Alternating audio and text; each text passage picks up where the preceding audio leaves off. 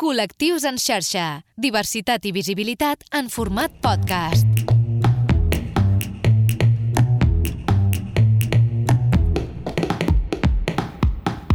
Tal Manel... Molt bé, i tu, Lluís? Doncs jo vinc una mica reivindicatiu. Tens una mica reivindicatiu? Sí. Què em dius? Mira, tinc un missatge per les persones que escolten el Col·lectius en xarxa. Ah, molt bé, I doncs, els hi, vull dir, escolta. els hi vull dir una cosa. Els hi vull dir que han de ser molestes. Han de ser molestes? Però molt molestes. Molt molestes. de molestes. debò. I porto alguns exemples de quan es pot ser molest. No, exemples no. Un discurs que t'has preparat, Sí, Lluís? Clar mica. que sí, doncs anem a escoltar-te. És Això que m'he enfadat una mica. Molt bé. Llavors, eh, per exemple, quan es pot ser mo- molest? Sí. Pues mira, si un dia passeu per l'autopista del Maresme, Val. els que sigueu de per aquí, i veieu aquells cartells gegants de Vox Sí, que segueixen No penjats des de les últimes fa eleccions... mig anys que han passat les Exacte. eleccions, clar. Queixeu-vos al cotxe. Molt bé. Encara que, eh, que us acompanyi gent que no li agrada la política Molt i que bé. sempre us digui que sempre esteu amb el mateix. Sí, que ho fem servir a favor, no? Per crear Clar. debat i dir malament això. Malament. De fet, tu vas posar a Twitter, eh, jo això, vaig dels posar, cartells. home, que quan et, treien... et van contestar no, o no? No, m'han contestat, eh? Ni Arroba l'amic Ajuntament ni de Mataró. Ah, exacte. Ah. Home. Un altre, un altre moment que cal ser molest. Quan estigueu entaulats amb la família i alguns Sí? comencin a queixar-se dels impostos i us Vale. parlin d'Ayuso, de les polítiques populars dels populars d'Andalusia, vosaltres els heu de recordar a tots els que estaven allà asseguts Sí? que tots us esteu pagant una mútua. Vale, molt perquè bé, la molt bé. sanitat pública està infradotada. Mm?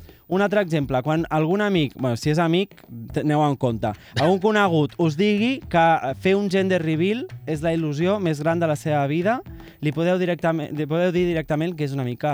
Vale. Tenia aquí una, una paraula apuntada, la dic. Digues-la. No, no la dic, no bueno, la com dic. és de heavy? És igual, no, no, no la dic. Vale. Tranquils, que no passa res, perquè eh, us convaliden, si Sí. feu això, us convaliden segons un, un curs de, tres, de 30 hores de perspectiva de gènere, us Vale. arribarà un correu amb el titulet. I un certificat si de hi dieu. cunyat, no? Directament, perfecte. Llavors, s'enfadaran amb vosaltres, Mm? Uh, aquesta gent. Vale. Potser no us tornen a convidar als dinars familiars. Que potser I ja s'està bé, no? Clar, i Segurament. potser Clar. eh, no, us, no, us envidaran, no us convidaran segurament al gender reveal Vale, i us silenciaran d'Instagram, però la part positiva Sí. que deies tu, No puc amb això, és que Lluís ara estava pensant amb els globus, el Clar. blau, és que, el rosa... hòstia, hi ha molta gent que, és ho que no fa, es és pot, no es pot, amb això meu no es Instagram pot. hi ha gent que ho fa. A mi no em convideu. No, directament A no em convideu, vergonya, perquè a mi clar, em posareu, no em em poseu nerviós, clar. Vale.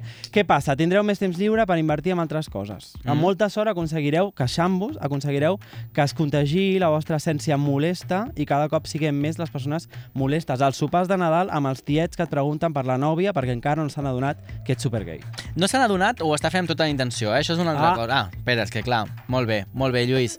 Molt bé, sigueu doncs, molestos. Sigueu molestos, sisplau. molt bé, doncs em sembla un missatge molesteu. molt, molt positiu. Et Clar sembla que sí. positiu? Em sembla molt positiu. Perfecte. De fet, crec que hauríem abans que acabi l'any, fer una quedada al centre de plaça Catalunya, a Barcelona, Ah, de sí. gent molesta. De gent que vol ser no? molesta. Sí, sí, ho jo trobo em sembla perfecte. molt interessant, clar que sí, Sí. clar que sí, molt bé. Doncs queda dit. Queda dit. Molt bé. Eh, doncs, escolta, però avui no va... No, no va- no va d'això, no va d'això de ser molestos. Això era un, una introducció Bueno, sí que serem molestos sempre, molestos. reivindicant Home, clar, i, sí, i, i aquí hem vingut a totalment, donar Totalment, visibilitat. tens tota la raó. Clar que sí. Però eh, avui venim a parlar de mormons, Mhm. tenim un convidat espectacular, així que començo ja amb aquella Perfecte, oh, frase de tant. avui el Col·lectius en xarxa, Mormons. mormons. Comença el Col·lectius en xarxa amb Lluís Rodríguez Lago i Manel Ferrer.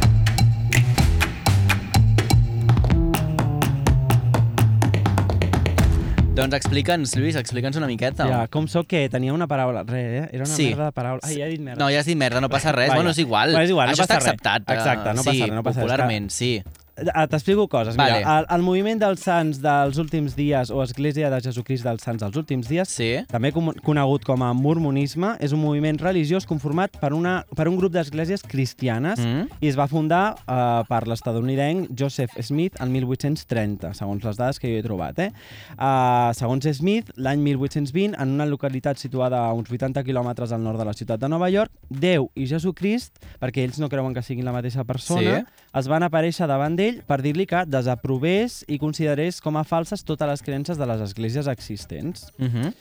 I aquest, eh, aquesta va ser com la, se la es coneix com la primera visió. Val, com el punt de partida, Exacte. no?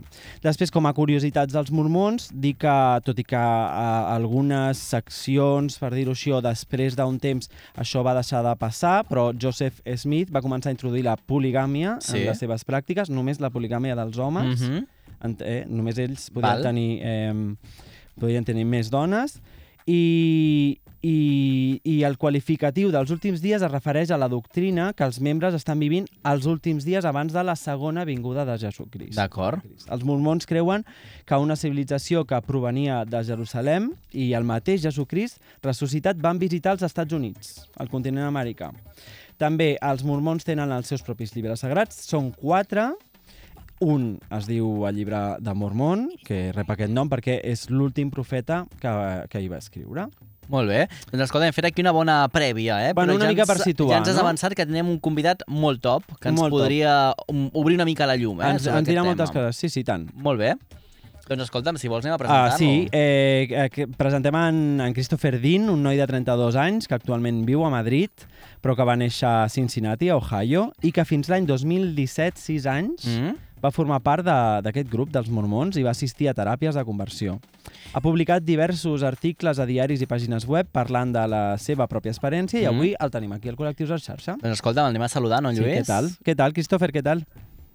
Hola, buenas tardes. ¿Qué tal? Buena tarde, mejor. Bona Bona tarda. O- ojalá hubiera preparado mi- un discurso en catalán, pero no.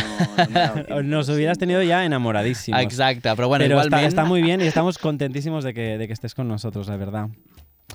Bueno, yo he hecho un poco un aquí. repasito de, de- de lo que significa o de lo que es la, la iglesia mormónica, pero no sé si me he equivocado en algo o hay alguna puntualización que tú quieras hacer. Claro, ¿Cómo lo definirías? Tú que has eh, formado parte, eh, ¿cómo podríamos definirlo todo? A ver, del listening de catalán que acabo de hacer, pues yo creo claro. que de lo que he entendido, todo estaba pues bien, yo no, no noté ningún error. Eh, creo que es importante notar que, que es, es una iglesia cristiana, ¿no? Ujú. que creo que aquí en España por la influencia de la Iglesia Católica pues se confunde que cristiano es creer en Jesucristo, ¿no? Ujú. Los, los protestantes son también cristianos, es un poco ese rollo. Ujú. Entonces no tiene nada que ver con la Iglesia Católica, sino que es una iglesia aparte que tiene sus propias reglas, su propia estructura y, y, pues su propia cultura. Entonces, Christopher, tú naces en el, en el seno de una familia. Ahora te pediremos permiso como para meternos dentro de tu vida, Claro. tal cual, ¿eh? Para Sí, que nos de ayudes a entenderlo, pero tal cual, ¿eh? O sea, va a ser De como hecho, un programa te- de Metres a Campos Te casi. vamos, ¿Qué tiempo a, tan te feliz? vamos a, a- a empezar agradeciendo, agradeciendo ya de inicio que este ejercicio que vas a hacer, porque vas a compartir muchas cosas con nosotros y estamos súper agradecidos y de verdad que muchas gracias. Pero lo que te decía, ¿eh? Eh, eh, naces en el seno de una familia eh, que, que asiste o que forma parte de la iglesia mormónica. Explícanos un poquito cómo es esa infancia.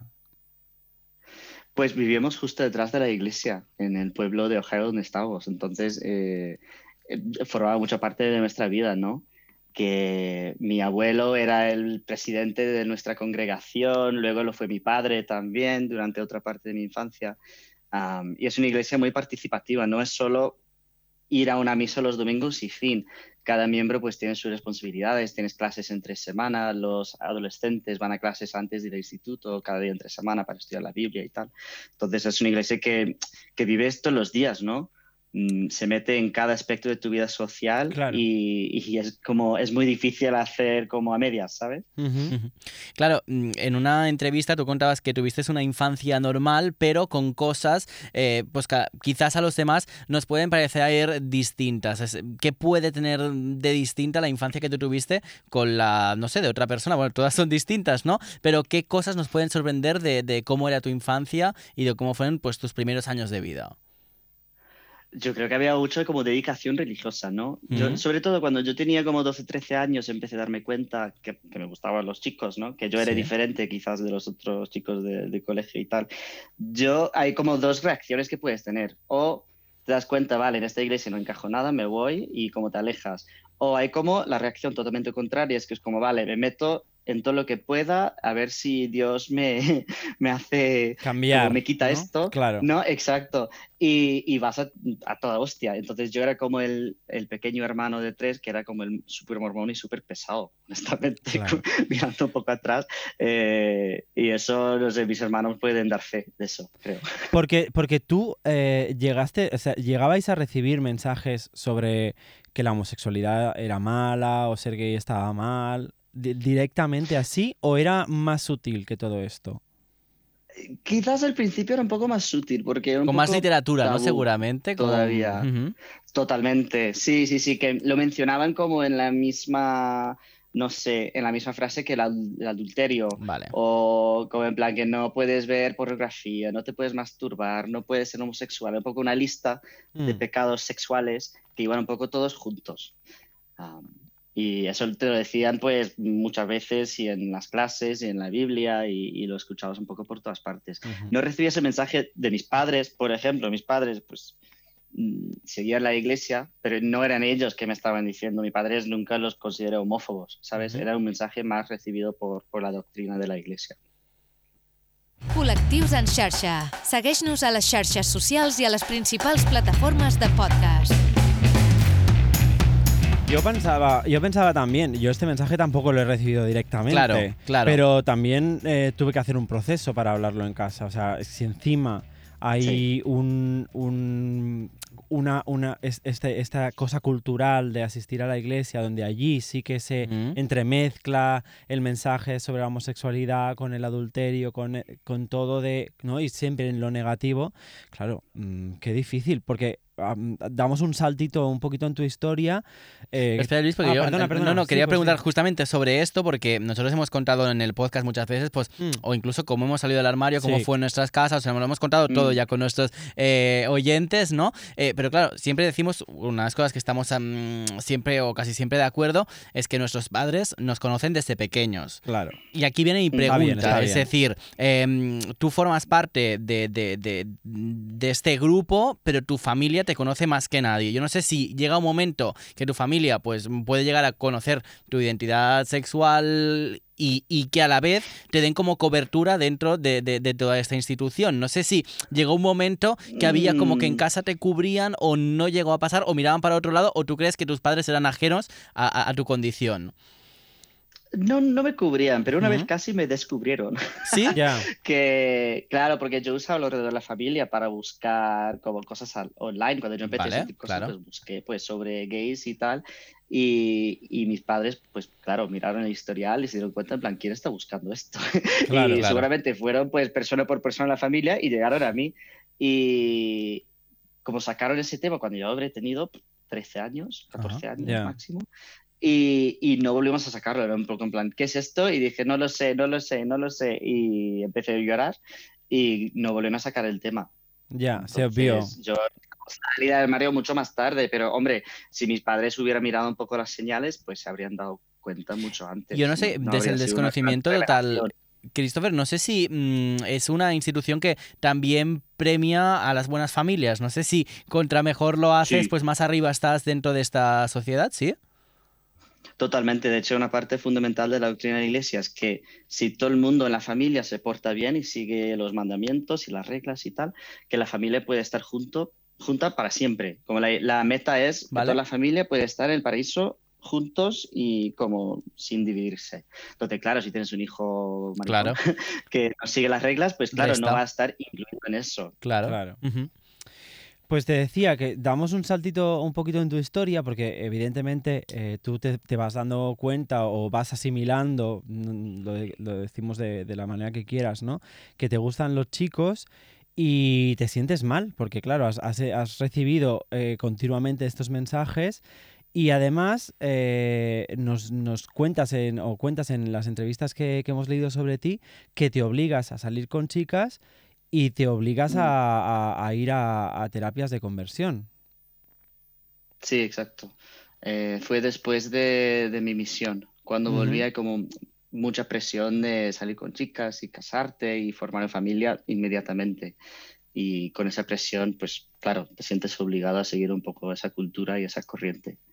De hecho, hablábamos de estas terapias de conversión y tenemos un episodio del colectivo de Sí. Ensarsa de los primeros que vino un chico a explicarnos una historia muy dura de Sí, creo, una que se- terapia. creo que os conocéis. ¿Sí? sí, sí, creo que sí. Pues eh, un episodio muy duro, pero de un testimonio real. Eh, Mm. no sé si nos puedes contar un poco lo que recuerdas de cómo fue esa o esas terapias de conversión a las que tú eh, acudiste, cómo era y cómo se desarrollaba.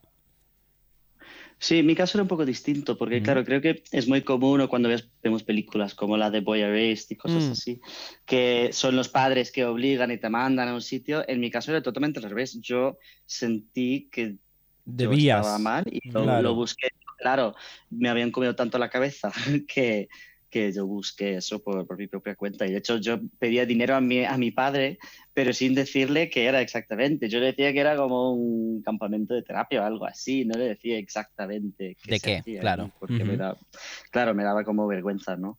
Y claro, las terapias pues tenían como la, la teoría de que tu homosexualidad viene de al, algún trauma en tu pasado. Es uh -huh. como una parte de, de, tus heridas personales. Entonces, entonces, si tú puedes arreglar ese trauma, tu sexualidad va a revertir como al orden natural que en su mente era la heterosexualidad. Y claro, sabemos que, es, que no es así, pero usaban como, intentaban coger como técnicas de terapia y un poco pues, pervertirlas y usarlas para, para otro fin, para, para el que no sirven, ¿sabes? Col·lectius en xarxa, ja disponible a la plataforma La Xarxa Més. Es, es mmm, curioso cómo aparece otra vez en, en, en, en tu caso, pero aparece en, muchos uh -huh. casos de personas homosexuales o bisexuales también, eh, el, el, tema de la, la vergüenza de, de, ser, ¿no? la vergüenza de, de ser uno mismo, uh -huh. ¿no? de sentir lo que sientes. Claro, tú además se le suma todo lo que decíamos, ¿no? está, está la iglesia que, que, como bien decías tú al inicio, in, no, intenta llenar casi todos los huecos de tu, de tu día día, porque es antes del colegio, la, la, eh, también hay universidades mormonas, ¿no? Es, es, es, como... Donde fui yo, claro. Claro, es todo, todo, el, todo, el, todo gira en todo torno gira a esto, en torno ¿no? A, a, esto. Entonces, todo, em, todo. Claro, empiezas a sentir esta vergüenza de ser y, y, a mí me fascina cuando me explicaste eso, ¿no? Que era, fuiste tú quien encuentras la necesidad, tal vez por, por, esa, por eso que nos has dicho también al inicio, ¿no? De que eras el hermano pequeño, el que quería seguir las reglas a rajatabla, tal vez porque veías el peligro de que las ibas a dejar de seguir, a lo mejor, ¿eh? No claro. me estoy aventurando, ¿eh? Pero eh, mm. Decides ir a, a, estas terapias donde, donde eh, hemos podido leer ¿no? que había cosas como os quitabais la ropa, hacíais actividades um, pseudoterapéuticas, nos has explicado, ¿no? Hacíais meditaciones en el sí. bosque, nudista, todo esto un poquito como para, como decías en una entrevista, como para volver a, a, a dejar de ver el cuerpo masculino, ¿no? Desde lo sexual, ¿no? Exacto. Y spoiler, no ha funcionado. ¿eh? Claro, es claro. lo que quería preguntar, ¿cómo era la vuelta? claro, ¿cómo era la vuelta de, de, de estas yeah. terapias, no? Porque claro, tú tenías como un interés pues de conseguir el dinero para poder acudir, eh, para querer hacerlo lo mejor posible. ¿Cómo era la vuelta después de todo esto? ¿Qué sensación te quedaba a ti después de participar en estas actividades? Participé como un par de años, era como tenía no, como convivencias que tú llevas un, un fin de semana, ¿no? Y fui a algunas y luego entré como durante la vida normal, claro, porque volví a la universidad y a estudiar. Había como grupos de apoyo en, en algunas de las ciudades allí en Utah porque había mucha gente que iba. Entonces yo tenía como contacto constante con este grupo pues durante, no sé, tres años. Uh -huh. Y al final de ese periodo empecé a darme cuenta de que no, no estaba cambiando realmente nada. Había intentado salir con chicas, nunca salía bien me estaba, me estaba cansando, ¿sabes? No solo porque yo perdía mi tiempo, pero ellas también. Claro, claro.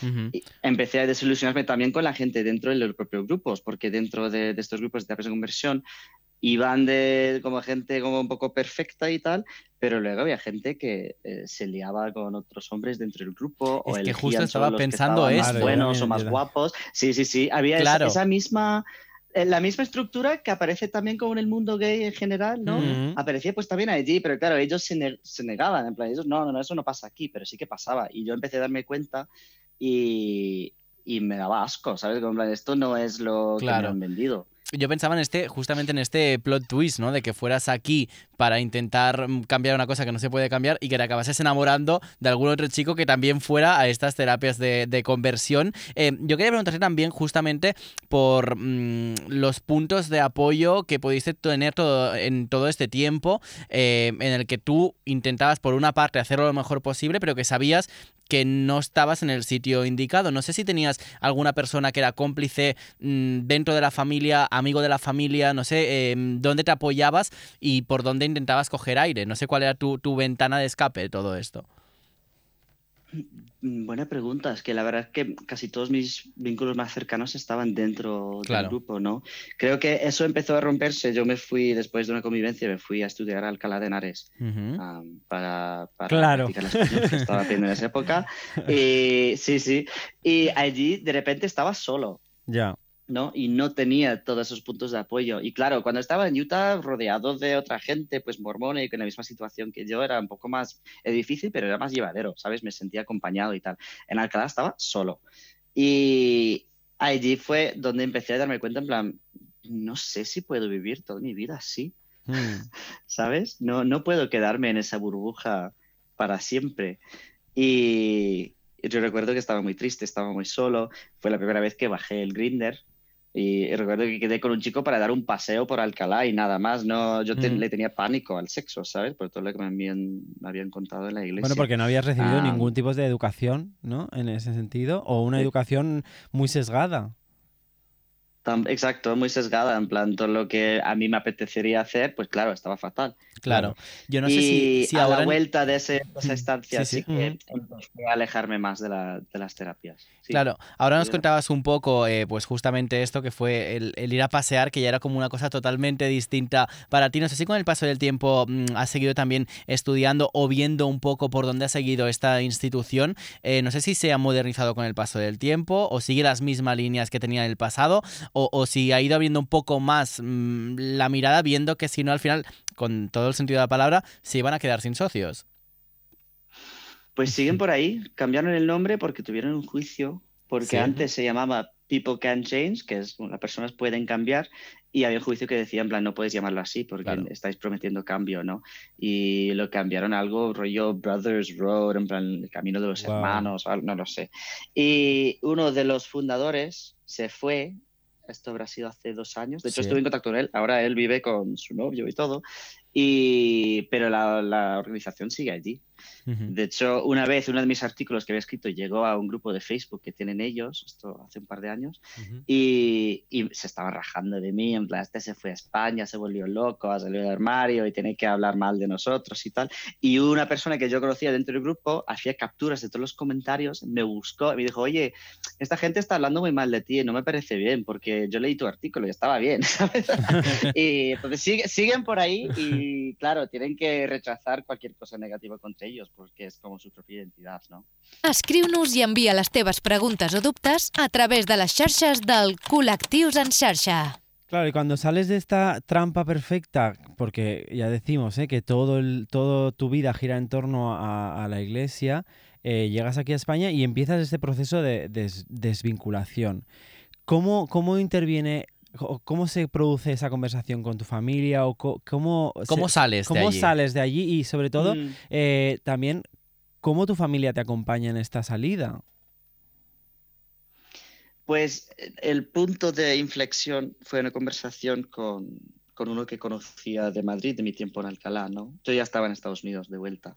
Y, y en unas conversaciones con él, él básicamente me planteó la pregunta en plan, mira, si tú crees en un Dios que te quiere, te ha hecho perfecto exactamente como eres y tal, si eso es así, ¿por qué te ha puesto en una situación que para ti es imposible? ¿No? Y allí es como empecé a como plantearme otra cosa, en plan, hostia, es en plan, una de las cosas tenía que fallar, o Dios no existía, no me quería, o el resto de la iglesia era como falsa, ¿sabes? Ujú. Claro. Y, y- y empecé a plantearme cosas, eso acabando la universidad y ya tenía mi trabajo en Madrid, así que yo recuerdo que iba en coche con mi madre desde Utah hasta Ohio, que son 24 horas de coche, Wow. mucho tiempo para hablar y pensar. Y le dije a mi madre, eh, me estoy planteando pues intentar salir con chicos y ver, y ver qué pasa. Claro, mis padres ya sabían desde hace mucho Claro. tiempo que me gustaban los chicos. Y mi madre me dijo, hazlo, si tú te sientes así, hazlo. Porque yo creo que al final, al menos los buenos padres saben cuando sus hijos no, no están bien y saben cuando no están felices. Y mis padres veían que yo había intentado de todo durante años, me había esforzado un montón y que yo no, no estaba feliz. Um, así que en eso mis- mis- mi familia me apoyó bastante, la verdad. Y te voy a preguntar si aún hay una parte de tu familia que aún forma parte de la iglesia o al final ellos también acabaron saliendo. Muchos han salido, mis hermanos salieron antes que yo, Mm. eh, mi padre salió después. Mi padre, cuando él veía un poco mi vida aquí fuera de la iglesia y fuera del armario y que yo estaba mejorando mi calidad de vida emocional, digamos, um, él decidió que no quería estar en una iglesia de que no aceptaba a su hijo. Él ya tenía sus propios problemas con la iglesia, pero ha sido un poco la gota que colmó el vaso. Ay, le podemos dedicar un aplauso a tu Hombre, padre, por, por, favor, porque es que me pa- Por nos, su parece, madre mía. nos parece como muy interesante justamente esto, Claro. que un hijo eh, sirva para que un Bueno, es que, padre, ¿no? claro, que es que ser referente, que por un momento mm, sea a la inversa, ¿no? Que un hijo Se- le abra la mente a los padres. Claro. claro. que sí, sí, sí. Sí, sí. Sí, sí, está bien, pero me emociona un poco. Eh, Sí, sí, no, emociona mucho. Sí, sí, tienes razón. Y mi madre sigue en la iglesia, pero con la pandemia se volvió mucho menos intensa. Antes quizás estaba un poco más intensa y ahora pues, pues menos. Eh, luego tengo también primos que han salido también. de- por, la mitad de la familia de mi madre es la, es la mitad mormona, la otra mitad no, no, no van, son católicos. Pero algún primo, tengo un primo que salió de armario como trans, así que eso también ha sido un poco revuelo dentro de la familia Claro. y, y un par de otros primos que han salido también. Así que ha ido de 100% quizás al mm, 40%, ¿sabes? Claro, es que la gente siendo, siendo ella misma y chocando con la realidad. Christopher, eh, no sé si te planteas en algún momento de tu vida ser padre. Y, en y si llega ese momento, eh, no sé mm, qué tipo de, de educación, si te planteas mm, dar una educación religiosa a tu hijo, no dársela y que la elija él. No sé si te has planteado este momento, cuando tú dejes de ser el hijo y puedas llegar a ser, si quieres, eh, el pa- el padre. No, yo, yo soy anti-religión. Yo ya, ya no. Habrá, hay, hay religiones que son un poco más abiertas y Ajá. tal, pero yo ya me considero totalmente agnóstico y no. Si yo tuviera un hijo, no, no. Se puede inculcar valores positivos y ser una buena persona sin, sin tener que pasar por todo eso, ¿sabes?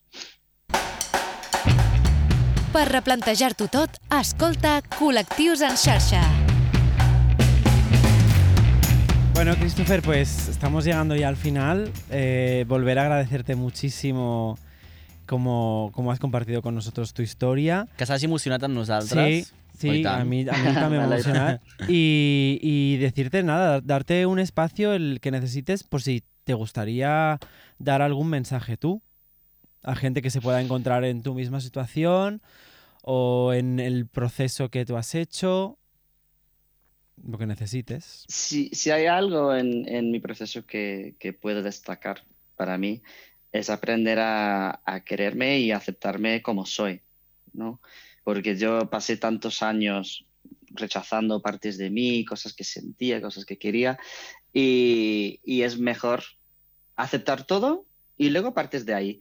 Y si hay alguien en una situación parecida, am, yo creo que es muy importante pues buscar referentes fuera de tu burbuja, de buscar gente que ha pasado por lo mismo que tú y aprender de sus caminos y porque yo me quedé tan dentro de un mundo, ¿no? Y sin mirar las experiencias que había afuera. Eso quizás es algo que venir a Madrid me ha ayudado muchísimo, ¿no? Porque aquí en Madrid veía de todo. Podía ver a gente Claro. que, que siempre había vivido fuera del armario, que nunca habían tenido que luchar contra lo que luché yo. Y eso me inspiraba mucho, porque como, jo, el mundo debería ser así para todo el mundo, ¿no? Y tenemos mucha suerte aquí en España donde estamos porque vamos muy avanzados con eso con respecto a otros países. Pues nos quedaremos con este Sí. mensaje y de nuevo darte las gracias por haber sido tan generoso con nosotros, por abrirte a hablar de, de ti, de tu familia, de tus sentimientos y por haberlo hecho en, en nuestro podcast. O sea que encantadísimos de, de que nos hayas visitado hoy. Pues muchas gracias por tenerme. Gracias. Pues hablamos pro- pro- próximamente, cuando quieras. claro que sí, cuando, quieras, estás invitadísimo, superinvitadísimo, ja és tu sí, casa. exacto. Gràcies. Perfecto, gracias. Lluís, nosaltres marxem amb música. Ai, sí. Quin programa avui, eh? Eh, sí, Mare de. Déu, mare de Déu, ha passat de tot en aquesta Mira, mitja hora. ai, la cançó que marxem avui ens la proposa el mateix Christopher. Ah, molt bé, doncs perfecte. Eh, volia que tornéssim, que recuperéssim a Jessie Ware, que ja la vam tenir aquí, però ens ha dit que aquesta vegada posem Free Yourself. Doncs ell mana, és el seu programa. Gràcies, Lluís, gràcies al Marçal CC també per acompanyar-nos a les vies de sons. Escoltem la propera setmana a la vostra ràdio, en podcast, a YouTube, on vulgueu escoltar-nos. Gràcies, que vagi molt bé. Adeu. Adéu.